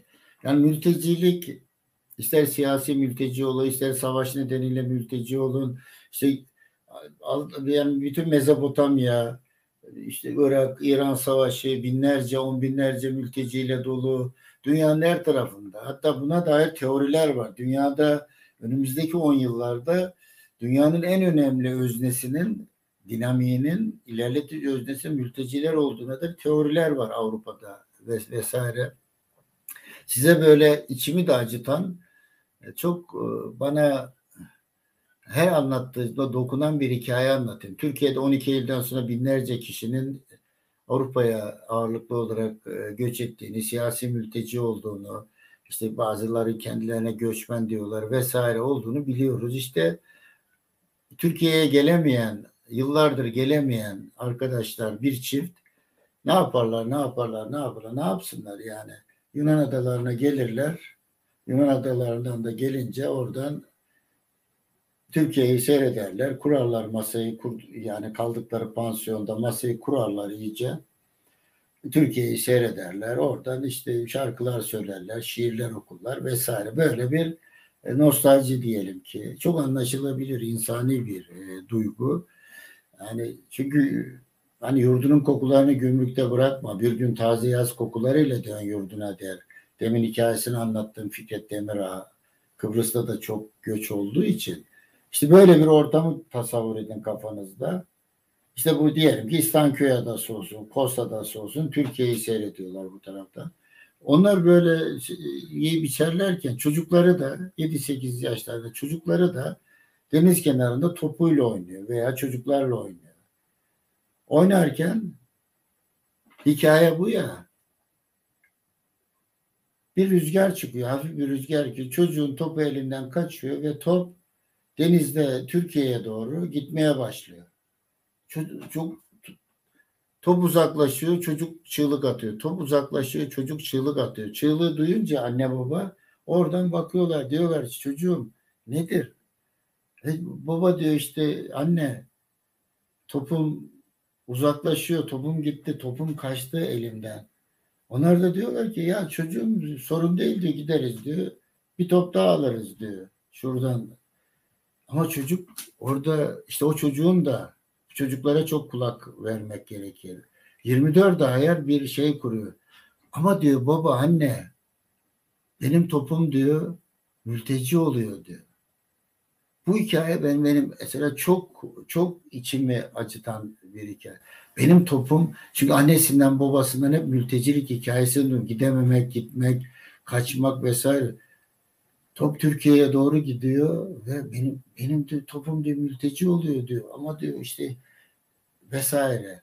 Yani bunun bunun da çok e, benim içimi acıtan bir hikaye olduğunu, bugün iki buçuk milyonluk mültecinin işte Suriye'den göçen, Irak'tan göçen, e, Mezopotamya'dan göçen onlarca, yüzlerce, binlerce insanın böyle bir e, trajedi, Akdeniz'de boğulanlar dahil olmak üzere bunu böyle aklıma getirdim. İstanko'yu demişken de böyle biraz hafif gülümsemek isterim. Gülümsemek isterim. Gülümsenmenizi de isterim.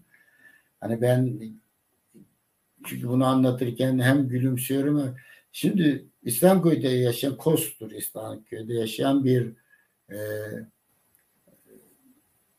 insan e, hem o tarafta zaman zaman hem bu tarafta yaşayan, hem orada yaşayan, hem bu tarafta yaşayan. En sonunda demiş ki ben demiş ya yılan besliyormuş bu. Yılanıyla geçimini sağlayan bir vatandaş. Atlıyor İstanbul'dan geliyor Bodrum'a. Bodrum'da işte yılanıyla şey yapacak.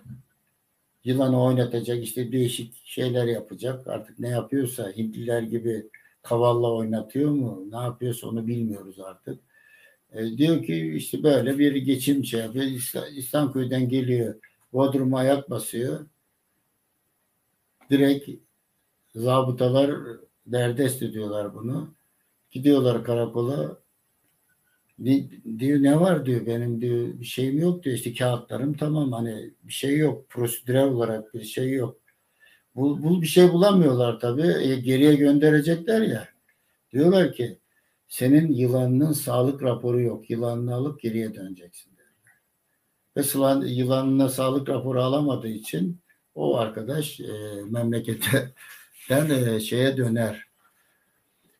Şimdi size burada bu e, şeyi bir getirebilir birimizi Kamileciğim bu Skyper'leri verir misin? Nasıl te, sniper nasıl telaffuz ediliyor? Biri yazsın bana oradan.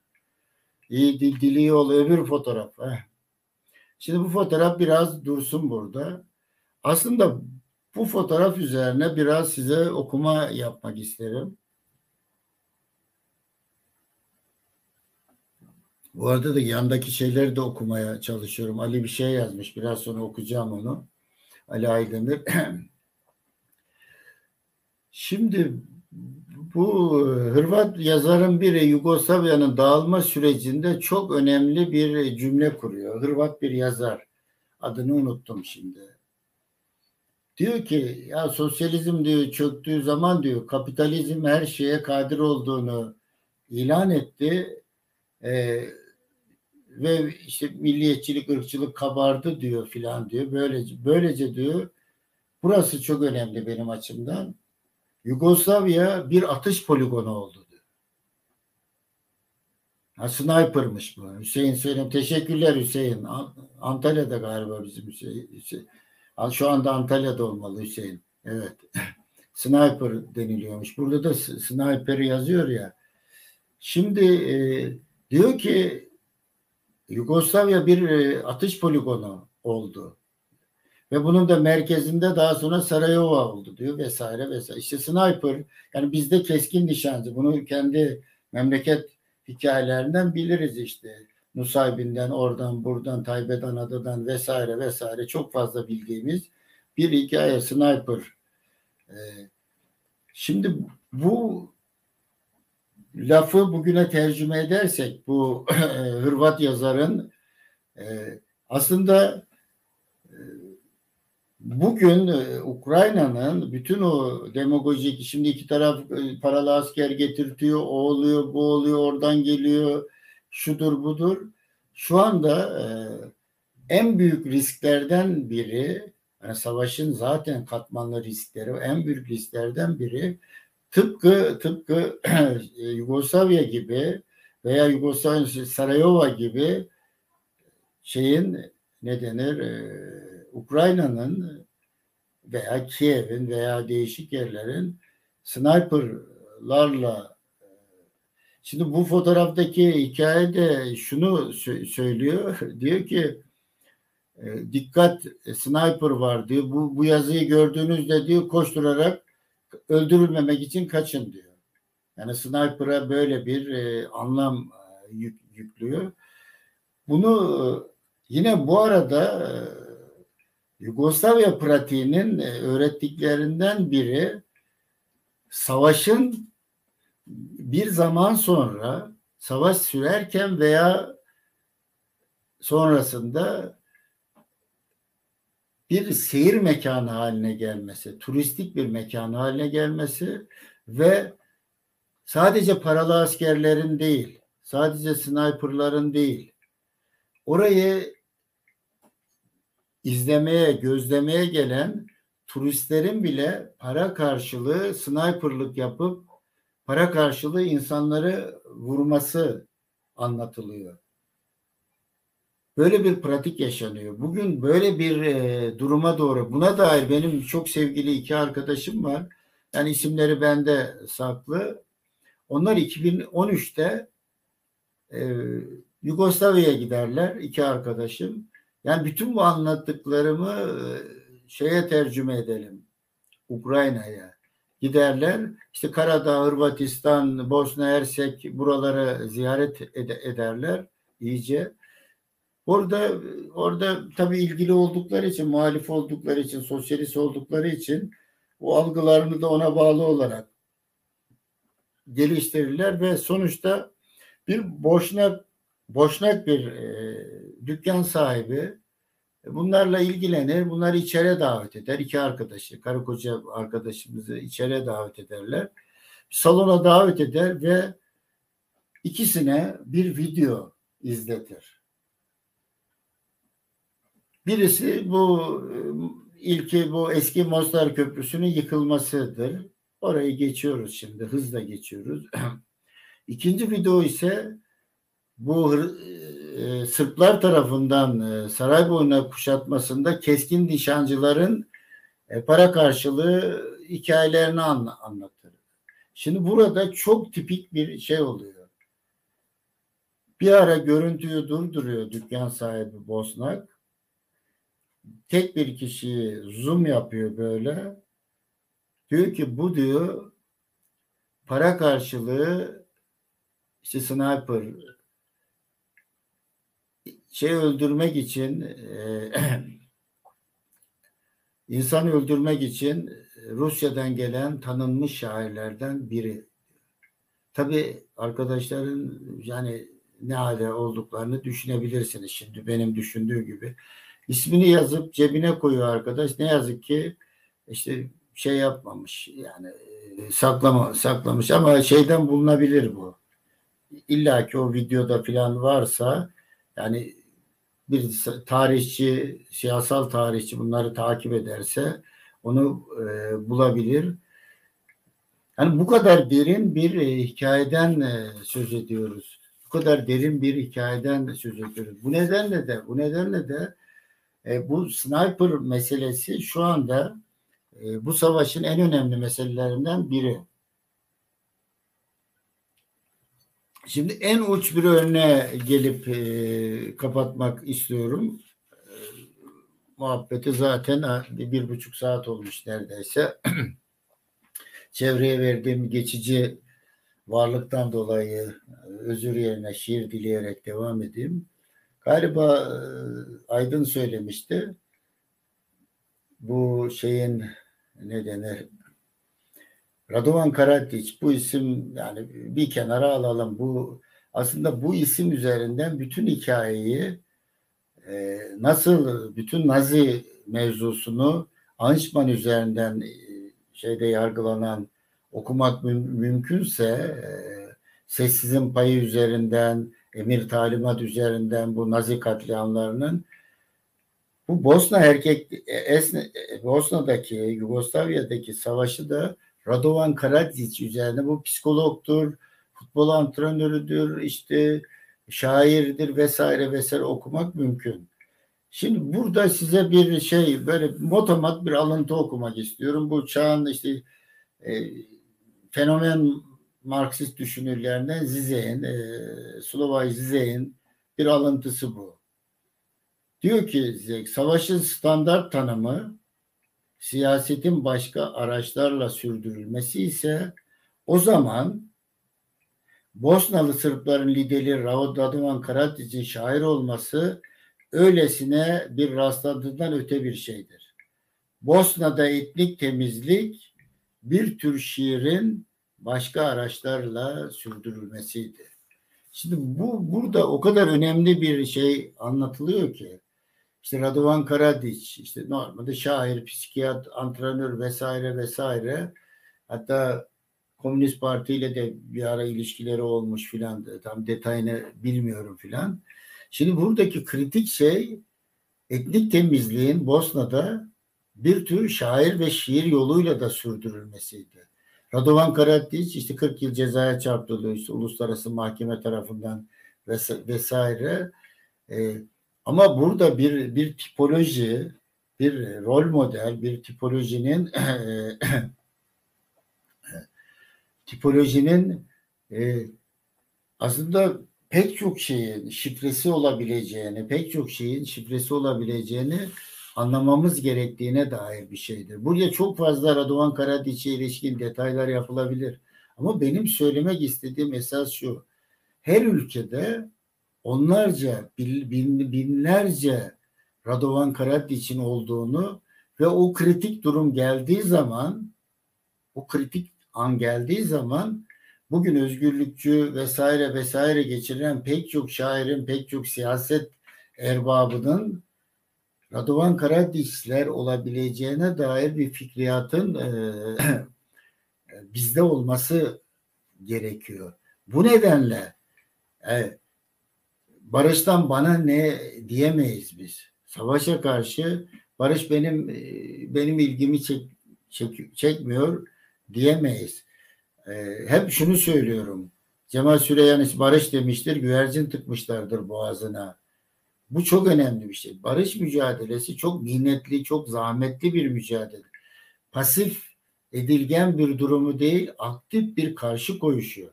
Kapitalizmin reddi üzerine, işte emperyalizm dair kötülük toplumunun bütün neden sonuçlarını da karşıya alan, taktikte de barışa odaklanan bir şeyi ve benzerlerimizi arayan dünyada. Yani Bosna'da, Ukrayna'da, orada burada benzerlerimizi arayan bir hikayenin öznesi olmaya kendimizi e, e, bırakmaktır. Bu nedenle de bu nedenle de sonuç olarak şunu soru var mı bilmiyorum birkaç soru alabilirim. E, şuradan bitirmek isterim. Platon şairleri malum devletten kovmuştu. Yani devletten ne isterim? Aslında bu ironik olarak doğru bir şeydir. Aslında şairleri devletten kovmak lazım. Yani bunun hep çok kötü bir şey olduğunu anlatır. Hatta Can Yücel'in çok e, güzel bir şiiri vardır. Der ki çiçekleri iki kere sulayın ki yani bir kere sulayın ki der. Yani e, devlet yerine Eflatun açsın der. Yani Platon'a gönderme yapıyor. Devlet yerine Eflatun açsın der. Şimdi şairleri devletinden kovması hep çok negatif durum olarak. Ben aslında bunu ironik olarak pozitif durumda. Şairleri devletten kovmak lazım şairle devlet bir arada olabilecek bir şey e, değil. Zaten öyle olursa şair sürekli şiirine yenir, yenilir. Yani tüzük yani ne, ne denir ona e, yani muvazzaf ve üniter dediğim şiirlerin öznesi hale gelir. Ayrıca da yine yine şu ara suresinde de şey söyledi Elmalı şeyinde de vardır. İşte şairler e, ne de gerçekte yapmadıkları şeyleri söylüyorlar filan filan söyleniyor.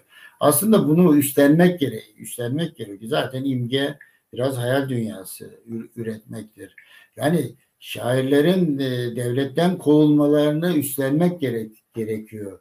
Savaştan kovulmalarını üstlenmek gerekiyor. Barışa kaydolmalarını ama dediğim anlamda kaydolmalarını e, üstlenmek e, gerekiyor. Bu nedenle de çok umutsuz olmamak gerek gerekiyor hep şunu söylerim bizim kulakları çınlasın toprağa devrim olsun Bülent Uluer'le hayat hikayesini yazdığım kitapta da vardır onun bir bölümünde şeyi anlatıyorum. Bu Günter Grass'ın teneke trompet hikayesi. Orada işte Naziler bir resmi geçit vardır. Çocuğuna da Oscar'dı galiba. Oscar denen bir küçük çocuk vardır. O törenin yapılacağı işte sahnenin altına gizlenir. İşte o malum Nazi işte muvazzaf şeyler trompeti çalarlar çalarlar işte falan falan. Fakat o çocuk teneke trompetiyle böyle iki vurur ve bütün ordunun, bütün Nazilerin ezberini bozar ve yeni bir şey başlatır. Aslında bizim biraz Oscar olmamız lazım. Teneke trompet çalan ve tarihin, toplumun ezberini bozan birer e, Oscar olmamız gerekiyor. Umudun da aslında olduğu yer bur buradadır. Bazen bir kişi, bazen bir sözcük, bazen bir şiir, bazen işte bir e, hikaye yeni bir başlangıcın çok kıymetli bir başlangıcın ipucu olabilir, izi olabilir. Zaten hep söylüyorum ya ben tarihte bazı insanlar toz bırakırlar, bazı insanlar iz bırakırlar. Asıl olan iz bırakmaktır. Kıymetli olan da iz bırakmakta. Yani savaşın bir kötülük olduğu, savaş bir kötülük inşası ise iz bırakmak söylediğim anlamda aktif özneler olarak kapitalizmin reddine dayalı aktif özneler olarak ve dünya tarihsel planda ve memlekette benzerlerimizi arayarak iz bırakmanın birliğini yaratmak e, meselesidir. Nokta. Evet soru varsa alayım hemen birkaç soru. Tecavüzler tabii ki Emel'ciğim yani bu savaşların en önemli şeylerinden e, biri. Yani hani bu konuda ne, ne söylesem hani dilime ve kalbime dolanır sözlerim e, diyeyim. Ali'nin sorusuna bakıyorum burada. Yetiştikten tarla başına mahalle çek, devlet olma, ulusun, şahı, sürgün seçtiğinde çok... Ali bir şey bak, şey yapmış. Pushkin'in yakın dostu pek çok asker yetiştirdikten sonra tarla başına gelen oraya yerleşen diye ulussuz bir şahı sürgünü seçti. Çok az insan biliyordu. Kıymetli bir bilgi. Biz de onu bilmiş olduk. Teşekkürler Ali. Ee, evet başka bir şeyiniz şeyimiz var mı?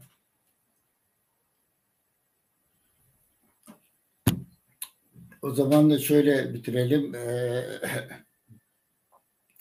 gelecek e, üç haftada bir yapıyoruz bu muhabbetleri. Gelecek e, muhabbette bir konuğum olacak. Biraz mitoloji, arkeoloji, şiir, sanat ve onların bugüne tercümesini e, konuşacağız. Yani üç haftada bir, iki haftada bir ben bazen tek şey yapacağım. Bir Salim yazmış. Şairleri siteden kaçırdım bir dakika.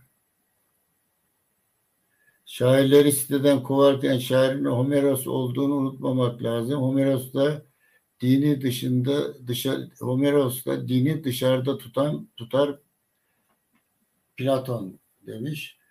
Yani Homeros'un evet Güzel teşekkür ediyorum. Hüseyin Antalya'dan söz ola kese savaşı, söz ola kestire başı, söz ola avlu aşı, yağ ile bal ede bir söz diyelim o halde der. Teşekkür ediyorum e, hepinize. E, her ne kadar sürçülisan ettikse şiir ola. E, keyifli bir muhabbetti. Umarım notlar kendinizce notlar almışsınızdır. Ben de çünkü konuştukça kendimce e, yeni şeyler geliyor aklıma. Ama burada söyleyeceğim en son söz şu olabilir. E, yine Kıbrıslı bir Mehmet Yaşin'in muhabbet sırasında söylemiştim. Hani sınır ötesi, ulus ötesi bir algıya sahip ol, sahip olmak hani duvarları aşabilene derler, sınırları aşabilene derler sevgili. Ne eksik ne fazlayken uçamazsın dediği gibi Mehmet Yaşın'ı. Yine çok sık okuyorum ama bugünle ilgili yine okumak isterim. Bu savaş zamanı şiirinin özellikle son dizeleri ni de size armağan etmek isterim. İçimden konuşurdum işitilmesin diye. Görenler de bir bilgelik sezerdi sessizliğinden. Gizlenmesi gerekirdi çünkü tehlikeliydi Türkçe. Elence ise kesin kes yasak. Tetikte beklerlerdi birer makineli tüfek gibi beni kurtarmak isteyen büyükler. Zaten o zamanlar gönüllü askerdi herkes. Ders bıçaklarının ince bıçak açacağına benzeyen İngilizce orta yerde dururdu öylece. Zorunlu durumlarda konuşulacak bir dil olarak. Özellikle de elenler ile. Hangi dilde ağlayacağımı şaşırdım çoğu kez. Ana dilim başkaydı, ana vatanım başka, ben derseniz bambaşka. Daha o karartma günlerinden belli olmuştu hiçbir ülkenin şairi olamayacağım. Çünkü azınlıktım ve özgürlük hiçbir ulusal sözlüğe sığamayan bir sözcüktü. Bu yüzden üç dil birbirine girdi şiirlerimde. Ne Türkler duyabildi içinden geçenleri, ne elenler ne de öbürleri. Ama kınamıyorum onları. Çünkü savaş zamanıydı. İşte bu şiirde olduğu gibi hiçbir ülkenin şairi olamayacağım dediği meselede. Çünkü Devlet, ulus, milliyetçilik bir duymazlık halidir. Bir fark etmezlik halidir. Bu nedenle de birbirimizi fark etmek için sınırları aşabilene derler sevgili diyerek hepinize iyi akşamlar diyorum. Sevgiler, sevgiler, sevgiler. Müzik